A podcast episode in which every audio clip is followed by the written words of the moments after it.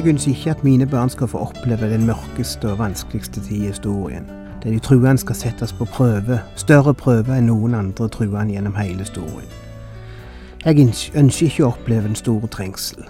Jeg ønsker å kunne se framover til Jesu Kristi dag. Jeg ønsker å kunne rette min rygg og løfte hodet. Jeg ønsker å kunne trøste mine barn med disse ordene, ikke skremme vettet av dem.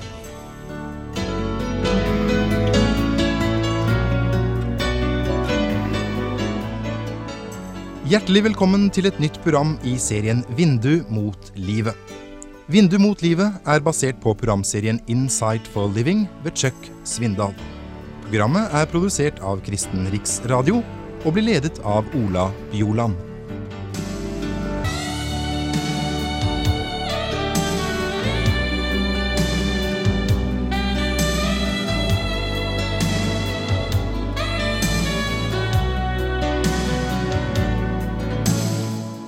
Vi kommer til kapittel to av andre Tessalonika-brev, og vi skal begynne med å lese vers 1-12. Når det gjelder vår Herre Jesu Kristi komme, og hvordan vi skal samles hos ham, ber vi dere om dette, brødre. La dere ikke så lett drive fra vett og sans, og bli ikke skremt, verken av åndsåpenbaringer, av påstander eller av brev som sies å være fra oss, om at Herrens dag alt er kommet. La ingen bedra dere på noe vis for først må frafallet komme, og den lovløse komme til syne, han som ender i fortapelse. Han er den som står imot og opphøyer seg mot alt som tilbes og kalles Gud. Ja, han tar sete i Guds tempel og gjør seg selv til Gud. Husker dere ikke at jeg sa dette da jeg var hos dere? Dere vet også hva som nå holder igjen slik at han først står fram når tiden er inne. Lovløshetens hemmelighet er alt virksom med sin kraft, men han som ennå holder igjen, må først bli tatt bort. Da skal den lovløse komme til syne. Men den dagen Herren Jesus kommer i sin herlighet, skal han utrydde ham med pusten fra sin munn og tilintetgjøre ham. Når den lovløse kommer, har han sin kraft fra Satan, og han opptrer med stor makt og med under og falske tegn. Med all slags urett forfører han dem som går fortapt, fordi de ikke tok imot og elsket sannheten, så de kunne bli frelst. Derfor sender Gud over dem en villfarelse som virker i dem så de tror løgnen. Og slik skal de få sin dom, alle de som ikke trodde på sannheten men hadde sin glede i uretten. Her er minnet på veldige ting. Det er klart at dette avsnittet inneholder uttrykk og begrep som fører tanken til det temaet som er blitt diskutert heftig mellom truende ifra tid til annen, men som av andre er blitt holdt på betryggende avstand fordi en syns det er vanskelig, nemlig dette med Herrens dag, dette med den store trengsel, Antikrist og alt det der. Jeg skal ikke gå inn på alle sidene ved disse temaene, for det er så uendelig mye stoff om dette i de forskjellige bøkene i Bibelen. Men jeg kan ikke komme utenom å si noe om det som er nevnt direkte her, nemlig den lovløse som skal komme og herske over jorda, og i den forbindelse den store trengsel som skal komme over jorda. Jeg har rett og slett kalt dagens program for Den store trengsel, fordi det meste av tida vil gå til å, sjå, til å si noe om akkurat det uttrykket. Fordi det har vært en del uenighet mellom evangelske kristne om hva det er, eller rettere sagt når det skal skje, når den store trengsel skal være.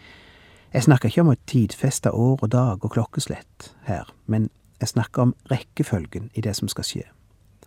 For Bibelen taler om at Jesus skal komme igjen, og at de truende skal rykkes opp med han og bli med Han, mens de ikke-truende skal bli igjen på jord. Menigheten skal rykkes bort, det som vi kaller bortrykkelsen. Og spørsmål som det strides om er, skal menigheten eller de truende rykkes bort før den store trengsel setter inn, og dermed slippe å oppleve den? Eller skal de gjennomgå denne trengselstida på samme måte som alle andre mennesker? Og først bortrykkes etter at trengselen er over. eller en eller annen gang underveis, mens trengselen står på. Kjem Jesus igjen i skyen, som det står, for å hente sine før den store trengsel bryter løs, eller finner det sted først ved slutten av trengselstida. Nå er det noen som ikke tror så mye på en bokstavelig personlig gjenkomst av Jesus i det hele tatt, eller i det minste er lite opptatt av det. For de er selvsagt ikke dette spørsmålet om rekkefølgen i begivenhetene her av noen interesse.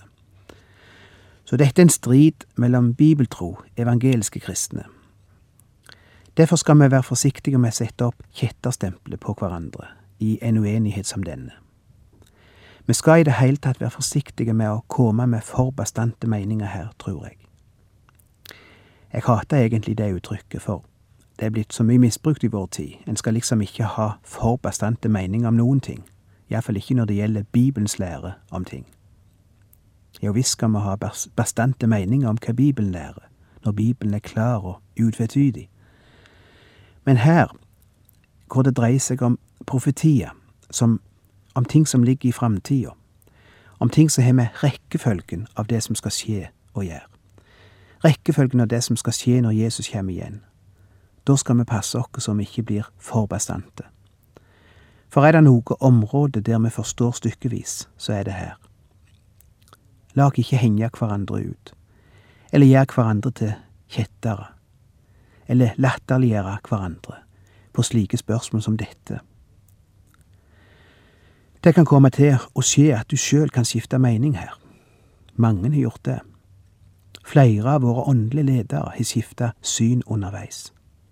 På dette med tusenårsriket og bortrykkelsen og den store trengsel, og det viser bare hvor innfløkt det hele er, og at vi ikke må bruke for store ord her.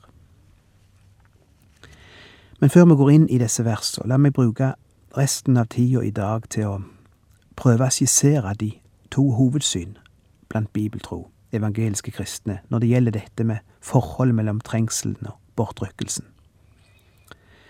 Det synet som har vært mest utbredt i tidligere tider, er at òg menigheten skal gjennomgå den store trengsel.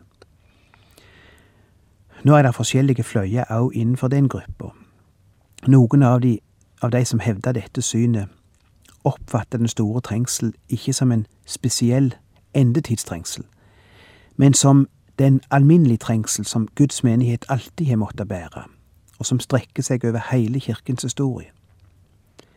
Augustin, for eksempel, den store kirkefar, mente at tusenårsriket var noe som var identisk med den kristne tid i historien. Dermed ble også den store trengsel noe som gikk parallelt med tusenårsriket, og foregikk hele tida i den kristne kyrkja på jord, og altså ikke var begrensa til en bestemt periode i historien. Så her er det mange syn, og jeg kan ikke komme inn på alle disse. De fleste evangeliske kristne i Norge mener nok at tusenårsriket er en avgrensa periode i kirkens historie, og at det er noe framtidig. Men blant de som mener det, er det altså en stor del som mener at før det, altså før tusenårsriket, skal den store trengsel komme. Og først imot slutten av denne trengselen kommer Jesus igjen og henter sin menighet, og knuser antikrist, Antikrists makt og opprette sitt rike på jord. Da begynner tusenårsriket. Dette synet støttes av at en ikke finner noen ord i Bibelen, mener disse da, som klart lærer at bortrykkelsen av menigheten skal skje før den store trengsel og før Antikrist. Derimot er det mange plasser der det antydes en trengselstid som skal komme, og der Guds folk oppmuntres til å holde ut inntil enden. Det er jo litt underlig, mener disse, at ei bok som Johannes' åpenbaring, som skriver så mye om trengsel og skildrer endetidstegner, og hvordan vi skal være våkne, og hvordan vi skal holde ut disse trengslene. Det er jo litt underlig at Johannes' åpenbaring skriver så mye om dette, hvis vi som leser dette, og som tror på det, ikke skal oppleve disse ting. Hvorfor skulle vi oppmuntres til å holde ut trengsler som vi jo likevel ikke skal oppleve, fordi vi skal rykkes bort før de kommer? hvem er da Johannes' åpenbaring egentlig skrevet til? Og alle de andre ordene om trengsel og om utholdenhet i trengsel. De avsnittene som omhandler disse ting, viser at en finner Guds folk på jord under hele trengselstida. Det taler mye om de utvalgte, som fienden prøver å forføre, og det tales om at de vanskelige dagene skal bli forkorta for de utvalgtes skyld, og det tales om de som nekter tilbe dyrets bilde, osv. Så, så er spørsmålet er dette mennesket som er kommet til tru etter at trengselen er begynt, altså slike som ikke trodde den gangen menigheten vart bortrykka, men som er kommet til tru seinere. Men det sies altså ikke noe direkte om bortrykkelse av de hellige før trengselen. Derimot heter det at etter de dagers trengsel skal menneskesønnen komme i himmelens skyer, og så skal de utvalgte samles ifra de fire verdenshjørnene. Da skal en tas med og en lates tilbake. I åpenbaringsboka plasseres Herrens gjenkomst og den første oppstandelse først etter trengselstida, kan en få inntrykk av. Så er det noen som hevder at det ville være uverdig for ei sann kristig menighet eller en sann Jesus-stridsmann å være opptatt med hvordan en best kan unngå å li for sin Herre, være opptatt av at en som truende skal slippe å oppleve den store trengsel. De første kristne priste Gud for at de var akta verdige og vanæres for Jesu navns skyld. Gjennom tidene er Guds menighet gjennomgått de sværeste forfølgelsene. Hvorfor skulle da ikke Gud tillate at Hans menighet òg i de siste dagene skal oppleve trengsel? Hvorfor skulle vi ønske å slippe forfølgelse og lidelse? Det siste argumentet har jeg faktisk ikke så veldig stor sans for, skal jeg være ærlig. Det er klart at vi som truende ønsker å slippe lidelse og forfølgelse. Det er klart at vi ikke ønsker å få det vondt. At vi ikke ber om å bli slått. De som opplevde forfølgelse, de ba ikke om det. De yngste det ikke. De yngste å bli fri, og de ba om å bli fri. Men når de først var oppe i det, så kunne de sjå på det som ei ære og liv for Jesu navns skyld, det er klart, men det er ikke noe en egentlig ønsker seg inn i. Iallfall gjør ikke jeg det. Jeg er panikk for den store trengsel, for å si det rett ut. Jeg er livredd. Jeg ønsker slettes ikke å oppleve den. Iallfall ikke mens jeg har små barn, eller barnebarn. Det er nok mer de jeg tenker på enn meg sjøl. Det er tøft nok å være truende i dag, om en ikke i tillegg skal bli kasta i fengsel for det, eller drepes for det, eller miste jobben for det, eller tortureres for det. Eller jeg setter litt på spissen nå. Jeg vet jo at Gud vil være med sine hvis de skal gjennomgå trengsel. Jeg vet det. Og jeg vet at jeg i ettertid kan komme til å se annerledes på det. At dette faktisk kan bli den rikeste tid jeg opplever som truende. Jeg ser ikke bort ifra det. Slik er det med all lidelse. I ettertid ser du at månedene på sykehus, for eksempel, la dimensjoner til livet ditt og til erkjennelsen din og til trua di som du aldri ville vært foruten. Men det betyr ikke at du ønsker deg tilbake til sykehuset. Du gjør alt du kan for å være frisk og slippe den trengsel det var. Det er klart at jeg ønsker ikke å komme inn i den store trengsel, hvis jeg kunne velge. Da vil jeg heller at Jesus skal komme igjen før den og hente sine truende hjem til seg. Og hvis det er egoistisk, vel, da er jeg en egoist. Det andre synet Jeg skissert litt av det første synet. Det andre synet er altså at bortrykkelsen skjer før trengselen. De truende har riktignok alltid hatt trengsel i verden, og denne trengsel vil tilta imot tidenes ende. Den virkelig store trengsel, der Guds vrede kjem over jorda på en spesiell måte, den kjem først etter at menigheten er rykka bort, mener disse. Menigheten skal spares for Guds dom og vrede. slik den vil komme til uttrykk i trengselen. Det er den verden som er forfulgt Guds menighet gjennom århundrene, som skal få trengsel til gjengjeld, står der i kapittel N her i andre Tessalonikerbrev. Denne vrede kan ikke være tenkt som noe som også skal ramme de truende. Og det blir henvist til en hel del bibelord som blant annet sier noe om at Gud ikke bestemte dere til vrede, men til å vinne frelsen. At vi skal bli frelst ifra vreden. At vi skal vente på Hans Sønn ifra himmelen, som det står i første Tessalonikerbrev. Vente på Hans Sønn fra himlene, Jesus, Han som frir oss fra den kommende vrede. Paulus taler stadig om to grupper når han snakker om vreden, eller Guds vrede, som skal rammes mennesker. Han taler om oss og om deg. Om oss som tror, og om de som ikke tror. Hele tida skiljer han mellom disse to gruppene i forbindelse med Guds vrede. De som tror, skal ikke smake vreden. Og hvordan skal Guds folk unngå å rammes av Guds fredesdom som kommer over jorda i form av en stor trengsel? Vel, det kan ikke skje på noen annen måte enn at de truende blir tatt bort ifra jorda, før vredesdommen rammer jorda. At bortrykkelsen kommer før trengselen, sier de som hevder dette synet. Det blir ei tid med hunger og pest, krig og vold, gigantiske naturkatastrofer, jordskjelv, stjerner som faller ned, svært hagl står der om, hav og elver som blir til blod, sola som brenner mennesker. Hvis menigheten skal være på jorda i denne perioden, er det vanskelig å tenke seg hvordan de ikke skulle bli ramma, de òg, av dette. Og Bibelen taler om Jesu gjenkomst som noe vi skal se fram til og trøste hverandre med, løfte hodet imot og blikket imot og glede oss til. Det blir det litt vanskelig å gjøre hvis vi forut for Jesu gjenkomst og forut for det gode som skal hende, skal gå gjennom tidens største trengsel, den frykteligste tid i menneskehetens historie.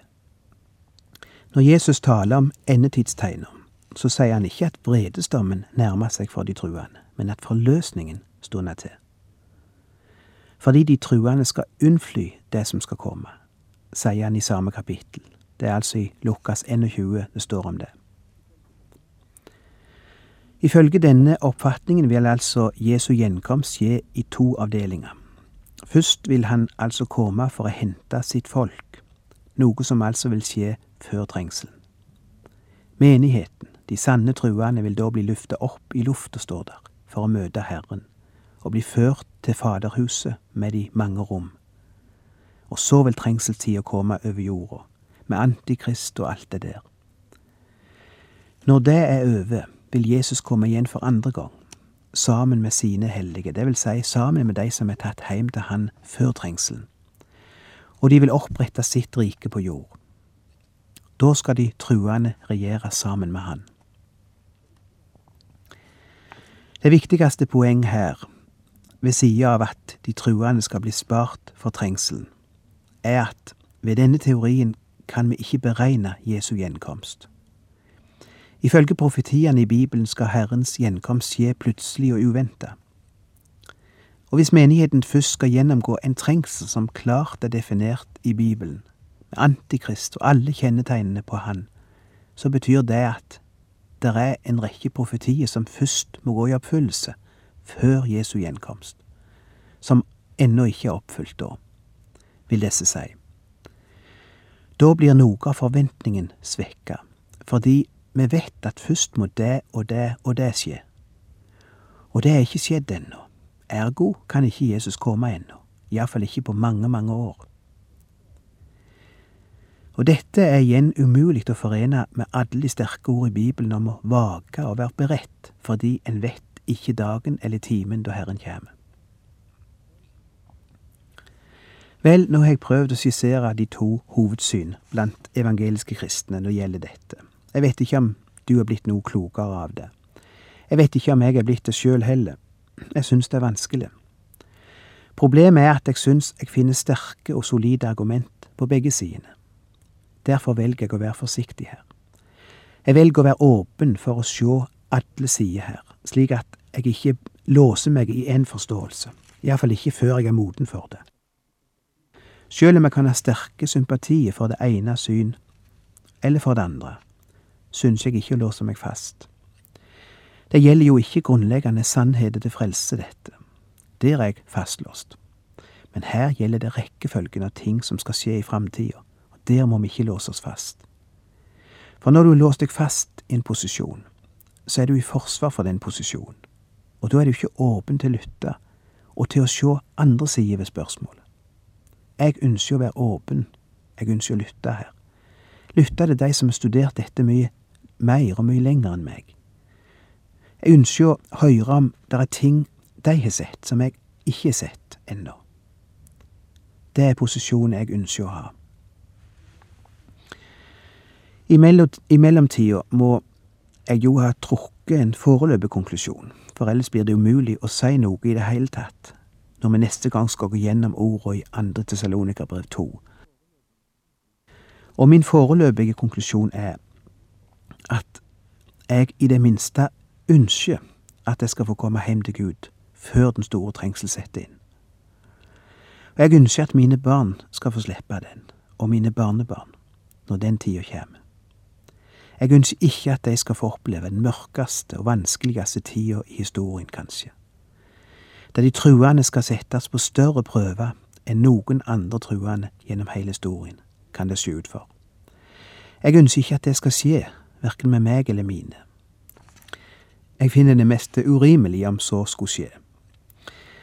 Jeg ønsker å kunne se framover til Jesu Krist i dag. Se framover.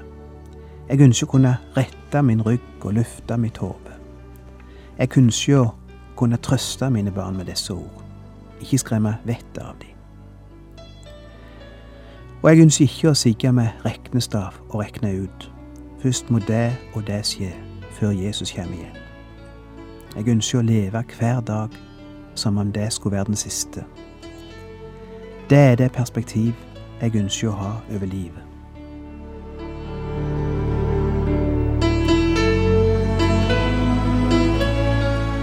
Du har lytta til Ola Bjoland i serien 'Vindu mot livet' fra Kristen Riksradios arkiv. Ola Bjoland var ansatt i Kristen Riksradio til han døde i 2002.